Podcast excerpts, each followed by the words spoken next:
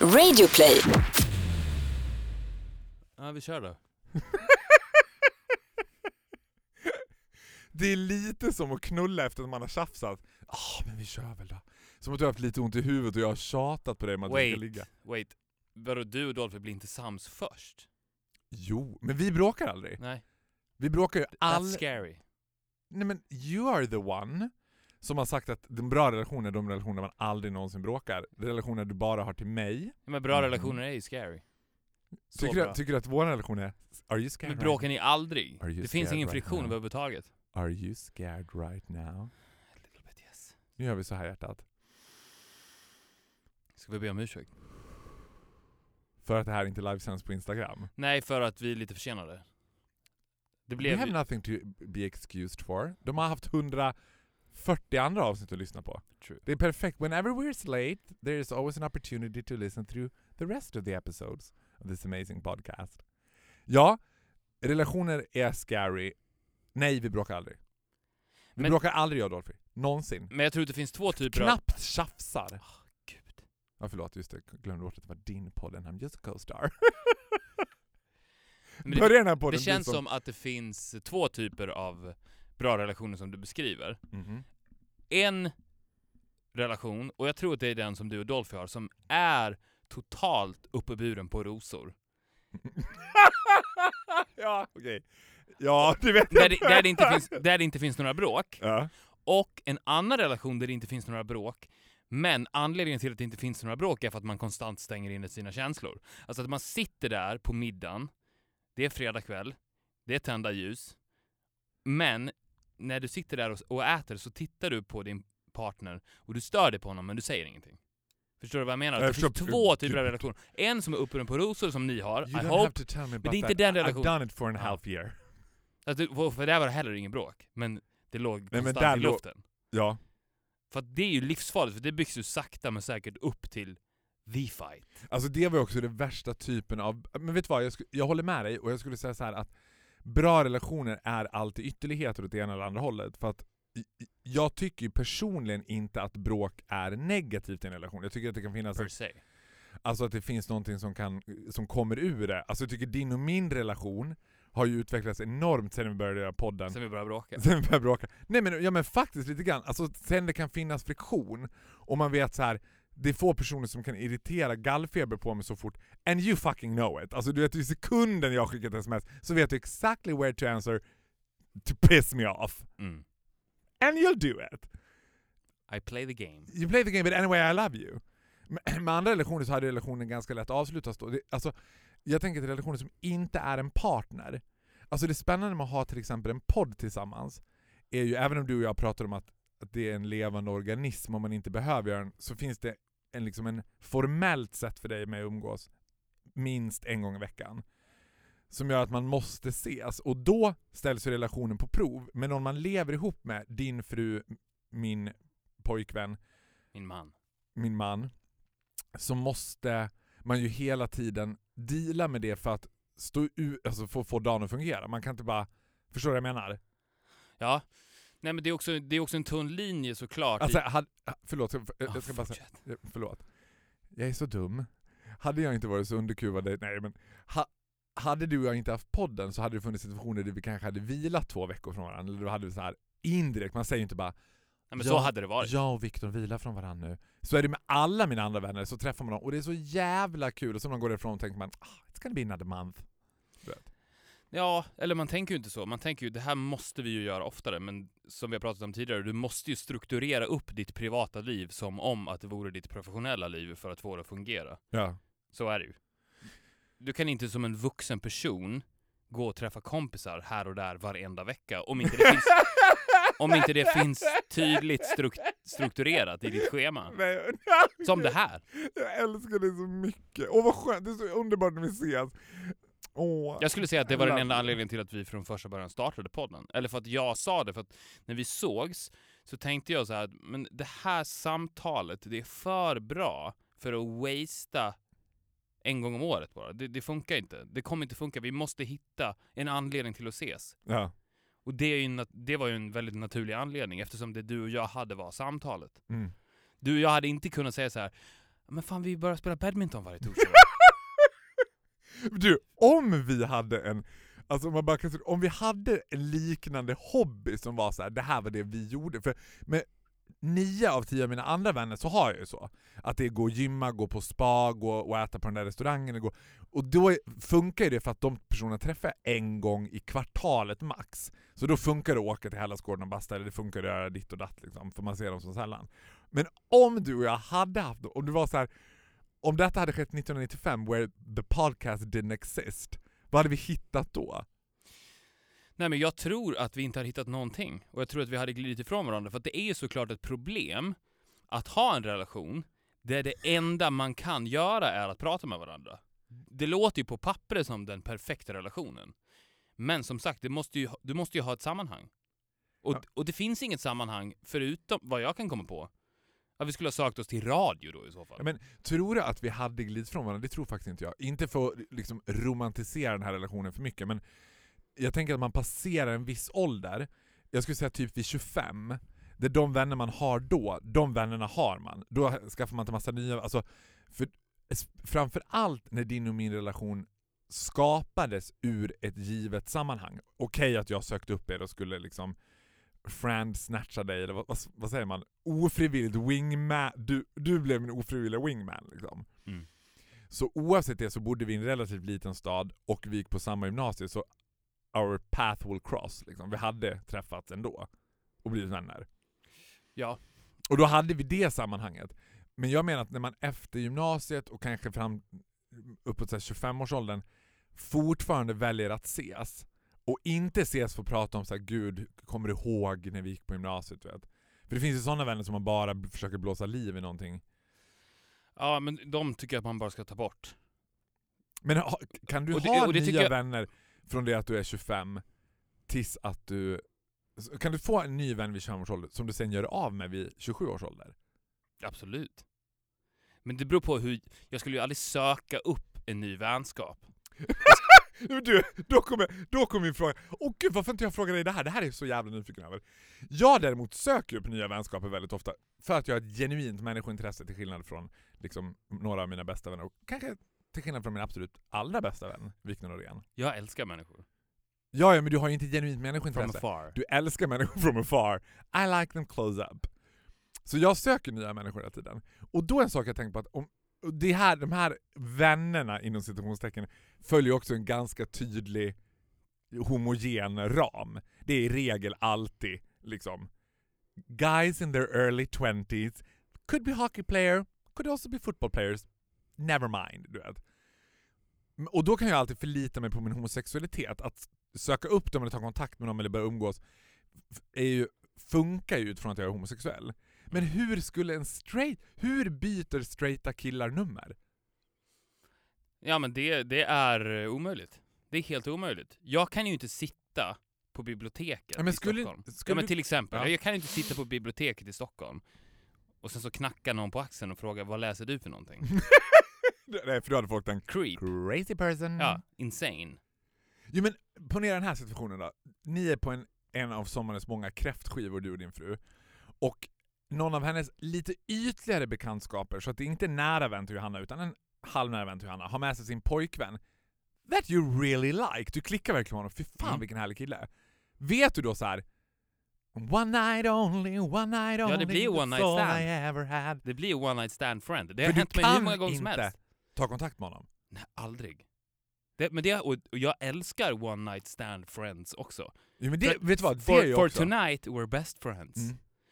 Det är superhärligt. Men då finns det bestämt i tystnad mellan oss två att det här är a one night stand friend. Vi kommer inte vara vänner sen. Det vi har är här och nu. Och, och i här och nu är vi bästa kompisar.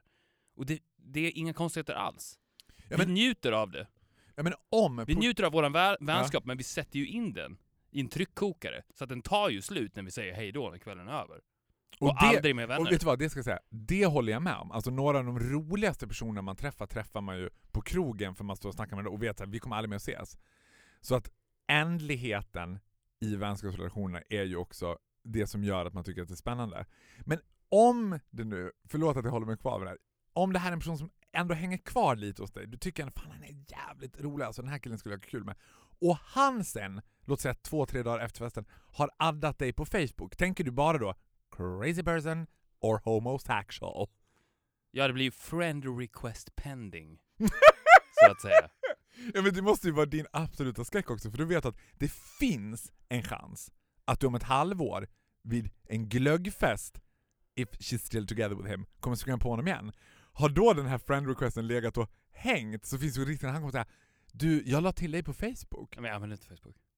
Säger jag då. Du säger det då? Ja, 'Cause you don't. I don't. It's an old man's game. Och jag känner mig ung. True. Så, så säger jag. True. Men jag är ändå så fascinerad över den, för att så fort jag får en ny killkompis så finns alltid det, Dolphy or not, för dem. För det verkar, alltså du vet, they judge the gays, liksom att bögar vill ligga med alla. Och det är snarare till min favör att de tror att jag vill ligga med dem. Mm. För då kan man komma nära dem fort. Då blir det inte konstigt, då tror de att ja, ja, men han vill ju ligga. Du vet. Sen kan det bli lite konstigt när de inser när han vill inte ligga och de ska ta beslut såhär, jaha, oj vad, du vet. Men homosexualiteten är alltid Ja, närvarande. det är hela nyckeln. Och då tänker jag såhär, men hur fan gör straighta killar och ha, få- får de inga nya vänner? Nej, det, är världens mest ensamma människor. Ja, det är därför de har kvar sina lumparpoler. För så fort de har satt sig ihop i ett sammanhang där de har fått vänner, you better fucking stick to those friends, 'cause they be the only friends you have! Ja, och där, där kan vi också säga så här att straighta män Mm. som aldrig skaffar sig en flickvän. Det är världens mest ensamma människor och såklart in the Ja, long det run är ju- världens mest farliga människor också. Det är ju en yxmördare in making. Det är någon som bara sitter och väntar. I'm, men just det händer. I'm just waiting to Jag pop. lovar, jag lovar att det händer bra killar. Att, att de blir yxmördare mot sin vilja. Nej, att de aldrig träffar en tjej. Att de har bara otur. Men skulle man inte... Tycker man inte att en singelkille in his liksom late 30s är värre än en singeltjej in her, in he, her? Ja, absolut. För en, en singeltjej i övre 30-årsåldern tänker man ju bara oh, bitches picky, du vet. Ja, precis. Singelkille i 30-årsåldern skulle man bara tänka something is terribly, terribly wrong. Or he just haven't opened the closet. Kan vara. Men man tänker också så här att man tycker synd om, man tycker synd om honom. Mm. För att jag tror att i många fall kan det också bara vara ren otur. Jag fattar inte egentligen att så många straighta killar, för jag känner dem, jag vet hur de fungerar, Mm. att de lyckas ta sig in i relationer med kvinnor. Jag vet inte hur det går till. Men, Jag har så många gånger bevittnat män som står där och skakar och inte vet vad de ska göra och inte vet. De blir så osäkra så att de bara backar tillbaks in i trygg, tryggheten av att vara bara med sig själv. Men blir du inte ännu mer konfunderad över vad kvinnorna ska med de där männen till då? Tänker du inte så här: what can that woman possibly see in him? Vad ska hon med den där killen till? Ja. Menar, du har ju också en övertro på kvinnor, eller en överkärlek till kvinnor. Alltså if gays and women rule the world, it'll all be a better place. Which is true. Men du måste ju tänka då så här. Ja, men, varför är hon tillsammans med honom? men jag tror att den dagen då kvinnor väldigt enkelt, väldigt, väldigt enkelt kan skaffa barn, fortplanta sig, Mm. utan hjälp av mannen, så kommer den straighta kvinnan dö ut. Straighta mannen? Nej, Den, den ja, straighta, den straighta kvinnan, kvinnan? kommer dö ut. They will ja. all be lesbians. Nej, men Du- den men- kommer dö ut. Ja, men menar du att, att kvinnor inte har någon som helst sexualdrift? Jo, Men inte nödvändigtvis a man included i det? nej, och eh, en sexualdrift behöver ju inte betyda att du måste leva tillsammans med en straight man, såklart. Nej, det är sant. Absolut inte. Jag tror att när det blir lika enkelt, och det, det kommer ju ske, Mm. så kommer tvåsamheten dö ut. Och inte på grund av att det är ett omodernt sätt att leva tillsammans som man och kvinna, utan för att kvinnorna kommer inte ha någon, se någon poäng. De kommer se på det nyktert och förstå att det finns ingen poäng med att dela mitt liv med den här personen. Det finns ingen poäng med det. Mm. Men just nu är driften att fortplanta sig, att få människan att leva vidare så pass stark att den tar över. För att Mm. det, how else do I do it? För att du går inte så långt att du drar till Danmark. Det gör du ju inte. Och fixar det själv. Så Nej, jag bara, what, vad ska man göra i Danmark? You know what's happening ja. in Denmark. Det, det är för mäckigt. Det är för mäckigt. Samma dag, det blir lika enkelt. De, de kommer dö ut. It's over. Goodbye guys. Och det kommer bli riktigt farligt. Nej, vet du vad? That will be fucking haven for the homosexuals. Det är då de tar över. På riktigt. Nej men det är då också den straighta mannen turn to Gay. the dark side. Jag tror att det är precis, för det är, Det är då, då- också de den straighta mannen dör ut. Det börjar med att den straighta kvinnan dör ut. Mm. Hon finns inte längre. Vilket leder till, i förlängningen, att den straighta mannen också kommer dö ut. För att jag tror Det det, Att här, tar över. kvinnor har ett mycket mer, mycket mer fysisk relation till varandra otvunget. Men för en kvinna att go all in lesbian liksom, är ett mycket större steg än för en man att bara I can have sex with a guy.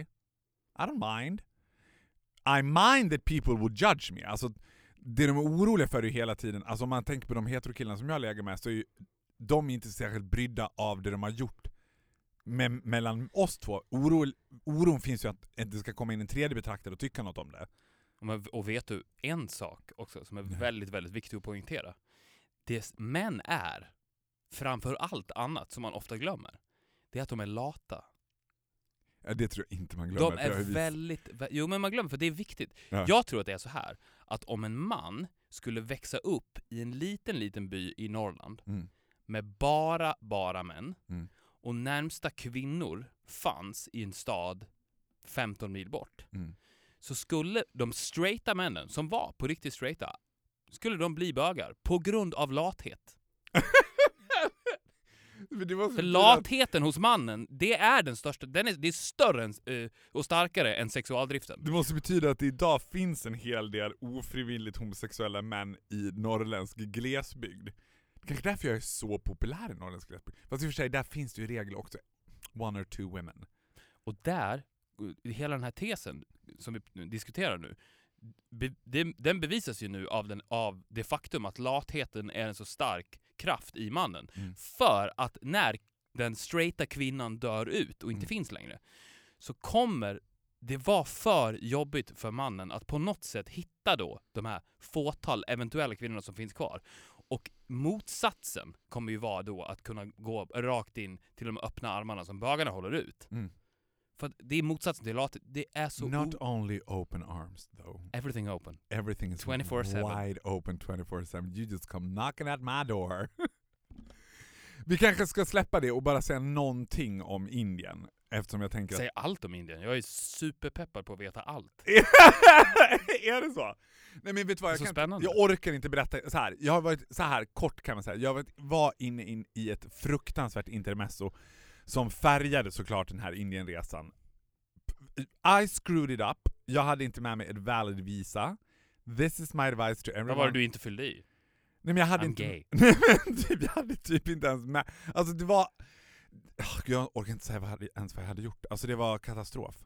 Istället för att ha med mig ett visa hade jag med mig själva applikations... Alltså jag hade med mig själva de ifyllda papperna, inte visat. Har du, aldrig, du hade aldrig tryckt på send? Nej, jag hade med mig the application form, men inte send. So I didn't have the certificate. Men spännande ändå. För det känns som att du skulle kunna snacka dig in i Indien. Which I did. Oh, you did. It took me 24 hours, but I did. Och det var ett fruktansvärt hassle som inte var denna nåde. Vilket också resulterade i att modern tids mest passionerade kärleksrelation fick sig en supertörn. Den var på väg att ta slut. Men nu är vi tillbaka på ruta ett och vi har mötts på mitten och vi tar det från där och Och nu pratar du inte om Faro och Indien. nej, nu pratar jag om Faro and the Deutsche Lufthansa. Men nu har Lufthansa Lufthansa blåste mig på massa pengar kan man säga.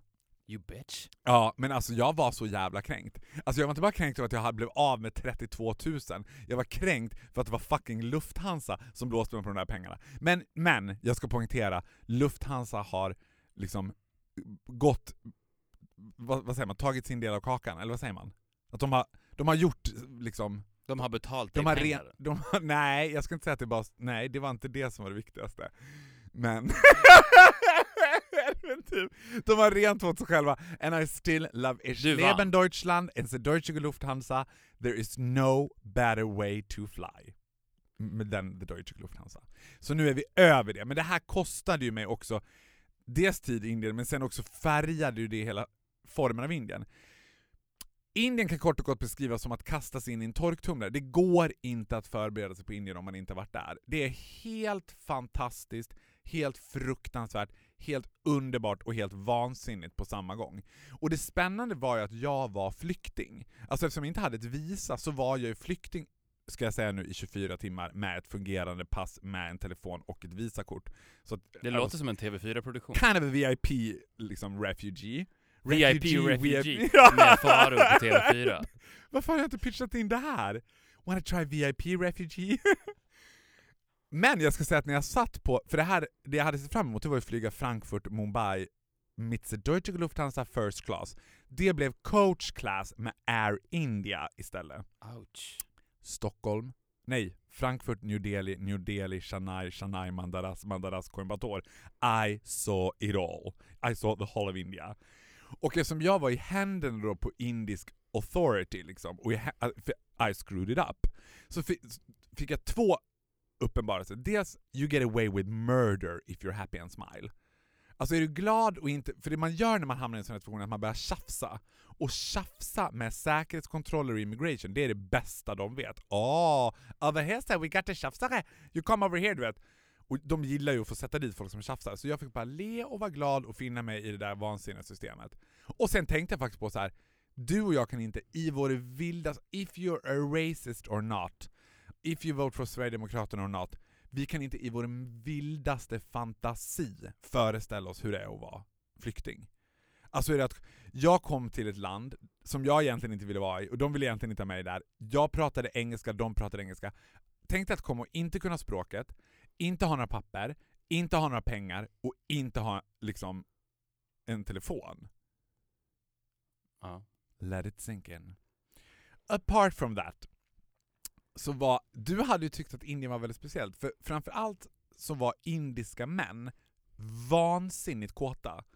Alltså de har ju en sån suppressed sexualitet så att Mm. de var, vad jag än var, och de tyckte också att jag såg helt vansinnig ut. Alltså de trodde att det var Men så det kan jag förstå. Hark the Herald Du är ju motsatsen till en indisk man. Jo men de tyckte också att jag var fruktansvärt snygg. Jag Ja, har men aldrig någonsin känt en Opposites attract man. Det kom in som en så här, två meter lång amazon i deras värld. Det här har de sett på en så här porrteckning typ i lera. Har de sett en gång till. När jag kom till säkerhetskontrollen i Chennai, vid det här laget hade jag flugit ganska mycket inrikes med Air India, så var jag den enda västerländska på hela jävla flygplatsen typ. Mm. Och i säkerhetskontrollen. Och då säger mannen så här. Ah, you come with me to special rooms här. Och jag tänkte bara, ah, nu blir det plasthandskar i röven och du vet, det får vara så. I don't mind. Det, det får vara så. Men det här är alltid Lufthansas fel. Alltså det var så jag kände det då. Eh, och så tar han in mig till special room, och så hämtar han alla sina kollegor, så jag tänker bara, they're gonna take turns! här blir jag gangbangad i Chennai! Och jag kan inte göra något, jag får you- bara... Men tänkte jag- jag får bara were you aroused? I wasn't aroused, because they're not really my cup of tea. Nej, alltså de nej. är inte... Var, i vilket land i världen hade du helst velat att, att den här situationen uppstod? Hade jag hamnat Finland. i passkontrollen i Tjeckien, Ah, i Prag, och de hade bara You come to special room Zara, where you have a colleague, 20-25 years old. Jag bara No guys, stop it! Who's gonna start? ja, men det är enkelt då. Nästa men gång du ska till Tjeckien, Ja. glöm passet. ja, ja, gud. Alltså du vet, jag kommer vara en enda Det har vi en tjeckisk till cum TV4-serie. dump. Cum dump. Cum Med Faro dump. på och TV4. Refugee cum dump. Men i alla fall då så hämtade han alla sina kollegor, och, och då, fast då var jag så jag var så jävla utmattad i huvudet, så jag orkade inte ens reagera. Jag bara Jaha, nu ska jag ta mig naken och ja, ja du vet, det är som det är. Liksom. Mm. Men han bara Can we take picture with you? You look like Prince from Fairytale. jag bara och det var en helt surrealistisk situation, att ställa upp sig med dem en och en och ta en selfie. Liksom bara Ah, Prince from Fairytale, very very beautiful. Du vet. Sen när jag kom till Coimbatore där då vi var med Dior, Mm. så det jag reagerade först på det var att alla män var så jävla kåta. Men de är ju också väldigt feminina. Så de är ju liksom inte så här. det var så sjukt för att jag kände mig också väldigt trygg. Det var mest som att de så här. så fort de såg en så började de så ta sig på kuken och stod och liksom så här, typ smekte sitt halvhårda stånd. Which I didn't mind. Jag kände mig inte sexuellt trakasserad, jag kände mig sexuellt uppskattad i Indien. Och man ser väldigt lite kvinnor, och sen är det helt hysteriskt. Alltså det går inte att beskriva, det är, det är en galenskap bortom all vett och sans. Men på många sätt... Folk kör i 400 riktningar samtidigt. det också, på många sätt så beskriver ju... Känns det som att du beskriver Faro Groths drömvärld. Ja, Folk kör som galningar, ja, du sant. går som en drottning, sant. men stannar upp och tar på sig själva när du går förbi. Sant. Men I mean, det this, finns this alltid, is Faro Groth heaven. absolut, men det finns alltid något ont som har, det finns alltid något gott som har något ont med sig. Och det är, ett, jag gillar inte när det är skitigt. Nej. Och det är ju fruktansvärt skitigt. Och jag gillar, alltså så här, jag ska säga att jag, jag gillar ju inte vansinne. Alltså jag gillar ju när, jag gillar ju när det är tempo, men jag gillar inte van, jag gillar när saker är väldigt, alltså, why do I love Germany? Alltså in Frankfurt så är det som att där är allting bara the deutsche Frankfurt. Jag älskar Tyskland är så jävla precis. Indien var ju lite liksom kackadoodledoo. Alltså det var liksom, det fanns inte något system överhuvudtaget. Och de har en arbetslinje där så här 42 miljoner människor ska ha ett jobb, så ska en kolla på ditt boardingkort, då är det också 40 personer som till som ska kolla på ditt boardingkort samtidigt. Alltså det går inte att ifrågasätta varför de ska hålla på på det där viset. Men en annan epiphany som jag fick när jag var där, var att jag satt och tänkte för mig själv, vi åkte ju dit också Refugee VIP style, since I was there with Dior. Så hade vi privata chaufförer och åkte runt, men vi besökte också liksom blommarknader med genuina indiska grejer. Mm. Och en tanke som jag fick direkt var att de är så himla lyckliga. Alltså de har en sån här genuin profound glädje i sig, som inte... Alltså, nu generaliserar jag hårt, men thailändare eller asiater har ju också någon sorts, men mer underkuvad, liksom så här att de ska plisa det hela tiden bara 'Hello sir, beautiful sir, Mm. you like it sir, you want to come batatas?' Du vet, här var det mer så här i den här vansinniga galenskapen liksom, så var folk lugna och glada, och jag tänkte så här, de har en helt annan state of happiness som vi aldrig kommer komma åt. Jag tror att det har att göra med att de lever i en egen värld. Det gör ju inte vi. Nej. Vi lever ju i en stor värld. Men vet du vad? En liten del av en stor värld. De lever ju i en egen Ja. värld. Jag hade också älskat det. Tänk dig vad lyckliga du och jag skulle vara om vi inte visste någon, om någonting annat än Stockholm. Nej men gud ja. Nej men gud ja. Alltså om det var vad? vår värld. Vet du vad? Precis innan, precis innan vi kom hit så fick jag en till epiphany precis kring den där grejen. För exakt det du säger är 100% rätt. Jag har inte tänkt på det, men nu när du säger det, du ger ju mig uppenbarelse hela tiden. Att det är precis det det handlar om. Deras värld är så liten. För det första kommer du och jag aldrig behöva överleva. Vi kommer aldrig behöva leva för att överleva, ska, Nej. ska jag säga. Utan vi måste fylla våra rätt meningslösa liv med massa betydelse som livet egentligen inte har. Sen peppras vi med intryck som vi ska ta ställning till hela tiden.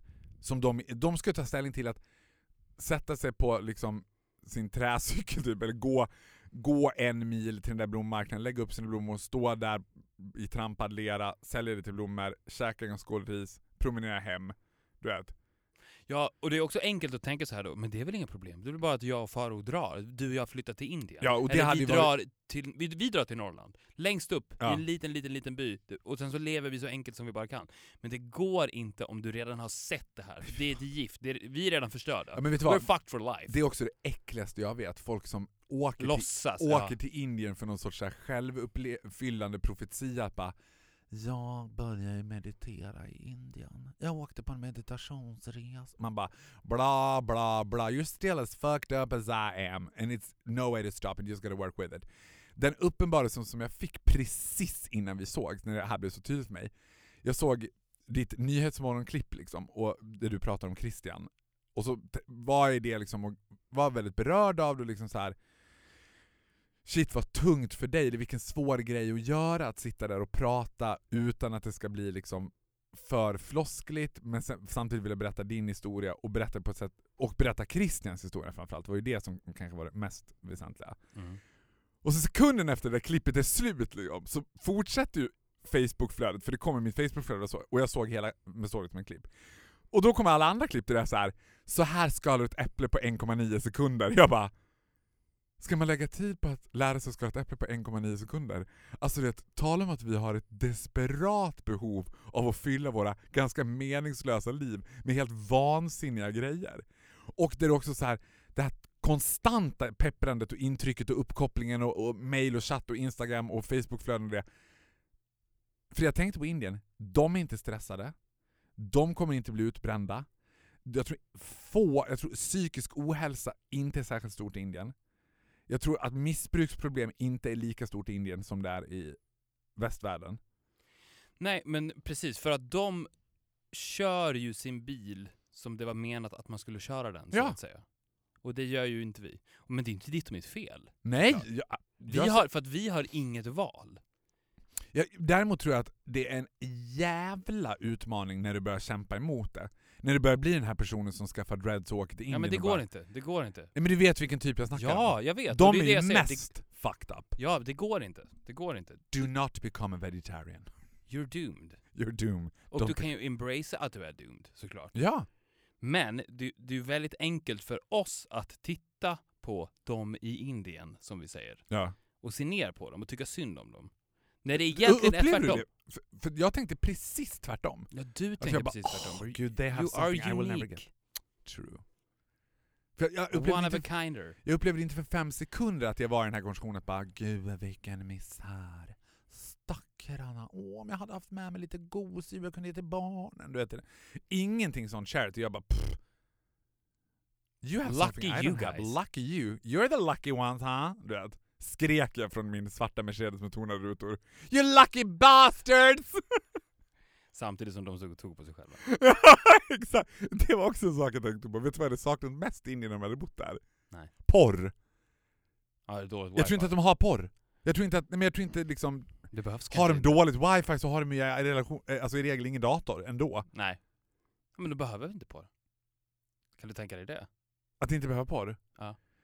Men jag skulle inte säga att jag behöver porr, I just like it. Exakt, och det kan du säga om allt i ditt liv. Jag ska, Ja. Du ska bara säga det, jag är inte säker på att jag behöver det, but I like it. Det är djävulen. Åh gud jag älskar det! Det, det är djävulen Faro. Det är han som pratar. Ja. Du tror att du bara tycker det är kul att kolla på porr, men det är djävulen. Nej, inte porr per se. Nej men, Men, alltså, att du all, gillar det. Allt du gillar. allt man gillar är... är- Men vadå jag gillar ju det är dig? Satan. Jag gillar ju dig. Betyder det då att du är Satan? Ja. Du behöver inte mig. Nej! Men jag tror jag, Egentligen. Nej, jag vet. Men jag, är bara allt, jag är bara ett överflöd. För dig är jag ett överflöd. det, Gud, du är mer än ett överflöd om du frågar mig. Ooks. Men vadå, jag menar inte att det behöver vara något fel. Nej. Alltså man kommer fortfarande saker, jag, tror inte att man når ett, ett högre nirvana om, nirvana om man tar bort allt man gillar. Det är att, det jag har sagt hela tiden. Det går inte. Tvärtom. Mer. Jag vill ha mer. Mer. Ge mig mer, mer, mer, mer, mer, mer, mer. För jag är ett barn av det livet som jag fick. Tror du att jag hade varit lyckligare om jag fick mer Viktor och mer porr i mitt liv? Det är klart att du hade. Jag tror att du hade varit... Men vadå, är det som att du besudlar bes- mig då? Den ultimata lyckan för mig, det hade ju varit ett your dick pic. Alltså om du hade sänt mig en dick pic. Du besudlar ju med den ultimata lyckan då. Är det så det är inte den snällt? ultimata... Är det så snällt av Nej, ens bästa för- vänner att Nej, göra vet så? du varför? För att du hade bara velat ha mer. Send another one. Nej, problemet, problemet med dickpic, once you get one you don't want another. Då vill du ha en annan persons dickpic. Alltså, Ja, du du vill ju förstår vad jag menar. Ja, jag förstår. Ja, okej, exakt. Du vill ha en annan, annan person. Ja. Du blir aldrig nöjd. Vet du, att leva som svensk, det är som att vara kokainist. Ja. I'm Just another line. 100%. Just another line, and I'll be fine. Men du kommer hela tiden vilja ha en till lina. Och det, vi är fast i det här missbruket. Mm. Vi kan inte ta oss ur det. Vi kan inte fixa dreads och dra till Norrland. Nej men och därför tror jag inte att vi ska göra det heller. Nej, det är klart att vi inte ska. Jag tror att så fort man börjar göra det... Det enda man kan göra är att fortsätta. Bara fortsätta knarka. Mer, mer, mer, mer. Överflöd. Ännu mer. Och det är det som jag gillar med dig också. Ge mig ett pornografiskt För du överflöd. lever ju i ett överflöd. Ja. Jag gör ju verkligen det. Och det tror jag är helt rätt. Ja. För det är som sagt, det är inte ditt fel. In, ingen kan pissa på dig för att du gör det, för det är inte ditt fel. Och vet du vad jag tänkte också? Då ska jag tänka en annan sak. Jag ska säga en annan sak angående det här med överflöd och, och en epiphany som jag fick. Att när... Nu har jag tagit, ska också ni lyssnare och du vet att jag har dragit en extremt kort version av det här intermezzot med, med visat. Det var ju ett, det var ju ett absolut hel- Det är nog kanske det värsta jag någonsin har varit med om. Men ganska fort gick jag från total depravering, alltså totalt knäckt över den här situationen, till att säga okej, nu har du två val. Antingen kan du vara knäckt över det här, eller you can just make it work. Och då tänkte jag så här, för att för att det här ska funka så måste jag göra allting som står i min makt för att det här ska funka.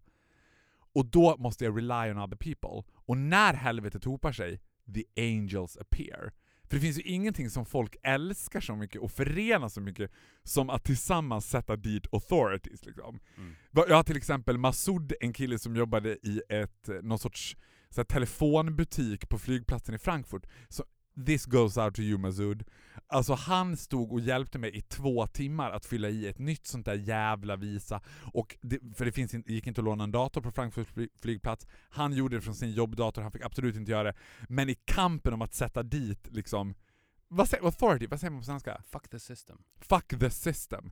Du vet, det var, det var, var vi det var han ville. så många som var emot det där. Fan, man älskar ändå flygplatser. Den, den världen. Den världen skulle man ju kunna leva i. Ja, och vet du vad? När jag, när jag var där då i den där misären, för jag tillbringade sammanlagt 24 timmar på Frankfurts flygplats, including att jag sov på ett hotell på Frankfurts flygplats. Men det var mycket gå runt på flygplatsen. Så blev jag som en del, jag blev som i symbios Mm. med flygplatsen. Det var som att folk, jag började känna igen folk, folk började nicka inkänna. Det var inte så här, liksom, åh hej på dig, utan det var så här: okej, we got something with the airport people. Du vet, och folk började snacka med det var, så- du vet, Jag tänkte jag ska fan åka ut till Arlanda. Nu är ju Arlanda en fis i rymden i jämförelse med... Alltså det är lite som att gå på O'Learys i Borlänge mot att du gå vet ut att det på finns barhopping? Ett, ja, Du och jag borde ju göra airport hopping. ja, och hänga på flygplatsen. Ja, man bara hoppar. jag ett- älskar flygplatsen. Vet du vad jag älskar också? Det finns inget dygn. Det finns ingenting. Nej, nej men det, alltså flygplatsen är ju Ja, jag vet. Det finns up ingenting. and running whether it's four o'clock in the morning eller om det är så här klockan halv ett på natten. Så är det fortfarande up and running Ja. som att ingenting försiggick. Det finns ingen tid. Älskar det. Det är nuet. Jag vill ex- Flygplatsen är nuet. Ja. Så att airport hopping tror jag är en skitbra idé. En bra affärsidé också. Du skulle kunna vara the hostess of the mostest of airport hopping. Och sen så vi får verkligen på. hoppas nu att TV4 lyssnar på det här, för de kommer få så mycket nya program. Lägg ner Let's Dance, lägg ner Så Mycket Bättre. Här har vi alltså European Cum Dump, Refugee VIP, Airport Hopping. Alltså det, det här har de ju hela sin de- programtablå för men vet du vad de 2018. har här? Nej. En ny kanal. Det är det de har. We're aiming high. Får jag göra ett experiment på dig? Mhm. jag vill ändå tro att jag kommer kunna påverka dig. Nu ska vi göra ett psykiskt experiment här. Titta på mig i 10 sekunder, bara rakt på mig i 10 sekunder hela tiden nu. Okej. Nu har du gjort det. Nu ska du sätta dig skönt och bekvämt i din crazy chair. Och så ska du luta dig tillbaka, blunda och så ska du bara lyssna på mig nu. Och så efter det här, det jag har gjort nu, så ska du gradera din känsla från 1 till 5. Där 1 är en väldigt dålig känsla och 5 är en väldigt positiv känsla. Okej? Okej. Är du beredd? Mm. Självklart kan ni lyssna och göra samma sak. Det finns en stad, ett hockeylag, Skellefteå AIK. Vi klär i svart med ränder på, Skellefteå AIK. Jag är klar. 1 till 5. Va, eh, ett, eh, Ett var- 100% obehag. Ja, 500% behag. Ett. Nej! Är det så? Känner du sånt? Jag... Nej! Varför då? För att jag var tvungen att blunda. Om du hade fått titta då hade du känt åtminstone två. Nej, då är det väl uppemot 4-5 tror jag.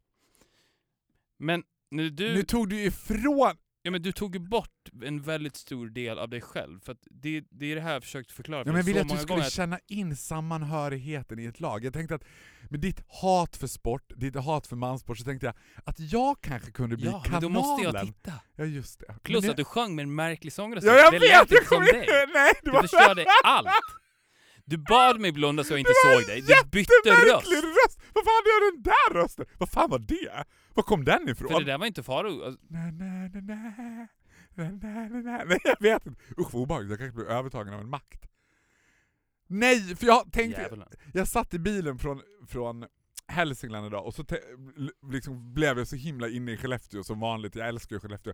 Alltså det finns två stora kärlekar i mitt liv och det är Lufthansa och Skellefteå. Och då tänkte jag så här, men det kanske är jag som ska hjälpa Viktor över den där gränsen och börja acceptera, börja lilla lite grann i alla fall, kärleken till ett lag. Apparently it was not. Nej men jag, jag älskar ju sport också. Nej men vad fan! Nej, men jag gör det. Nu alltså kommer jag in... Har du blivit galen? Du hatar ju sport. Nej, jag är, jag, är, jag är både där och inte där. För att jag, jag har, det jag har gjort är att jag har tagit ett kliv bakåt. Som jag pratat om tidigare. Så att jag ser det med andra ögon. Men jag kan ju när jag vill ta ett kliv framåt. Absolut, jag har varit där förut. Jag vet exakt hur det är. Jag kan gå in, på, in, in i en hockeyhall Ja. och älska det. Med hela mitt hjärta.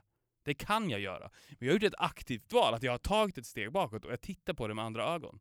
Jag ser det för vad det är, men när jag vill kan jag kliva in igen. Men är inte det lite grann, eh, skulle man kunna likna det vid att se en skräckfilm? Att när du ser skräckfilm så kan du antingen välja att se den och säga ja ah, det där var en dålig effekt, eller det där, kommer inte, det där hände inte verkligheten. Eller så kan du välja att bara Oh my god, I'm haunted by a crazy clown.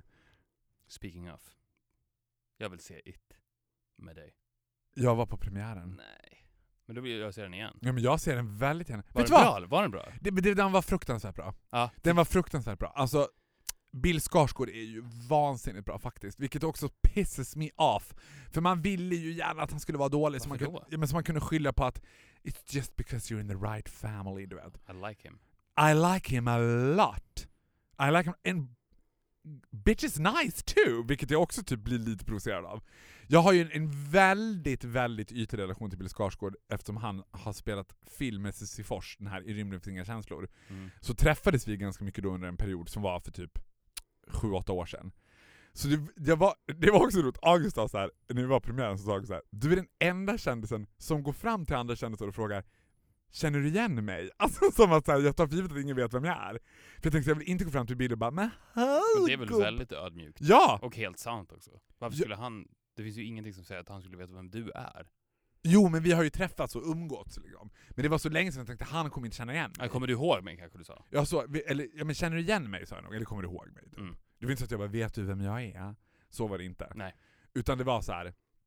ja men kommer du ihåg mig? Och han bara, ja gud vad kul att se dig. Och jag, då blev jag typ lite starstruck, att jag bara, oj, han känner igen mig. Du vet. Men den var fruktansvärt bra. Sen tycker jag ju inte om när man give clowns a bad reputation. Nej, jag vet. I like clowns. Men jag vill i alla fall se It. Ja, och vet du vad? Den är absolut väl värd att se. Den var fruktansvärt bra. Det var så länge sedan jag såg en skräckfilm på bio. Det ska vi göra. Det ska vi göra. Och vi kommer tillbaka Och snart. Vi ska också börja övningsköra med varandra. Det har jag lovat dig. Ja, det har du lovat mig. Det ska. Men om Transportstyrelsen tillåter det är fortfarande de som har sista ordet, så klaga inte på mig. Nej, jag klagar aldrig på dig. Vet du vad? Nej. Jag älskar dig. Jag älskar dig också. Vi syns gör vi. nästa gång vi ska spela in. Ja. Hej då! Okej, hej. Ett poddtips från Podplay. I podden Något Kaiko garanterar östgötarna Brutti och jag, Davva, dig en stor dos skratt. Där följer jag pladask för köttätandet igen. Man är lite som en jävla vampyr. Man har fått lite blodsmak och då måste man ha mer. Udda spaningar, fängslande anekdoter och en och annan arg rant. Jag måste ha mitt kaffe på morgonen för annars är jag ingen trevlig människa. Då är du ingen trevlig människa, punkt. Något Kaiko, hör du på Podplay. Därför arkadeinerna.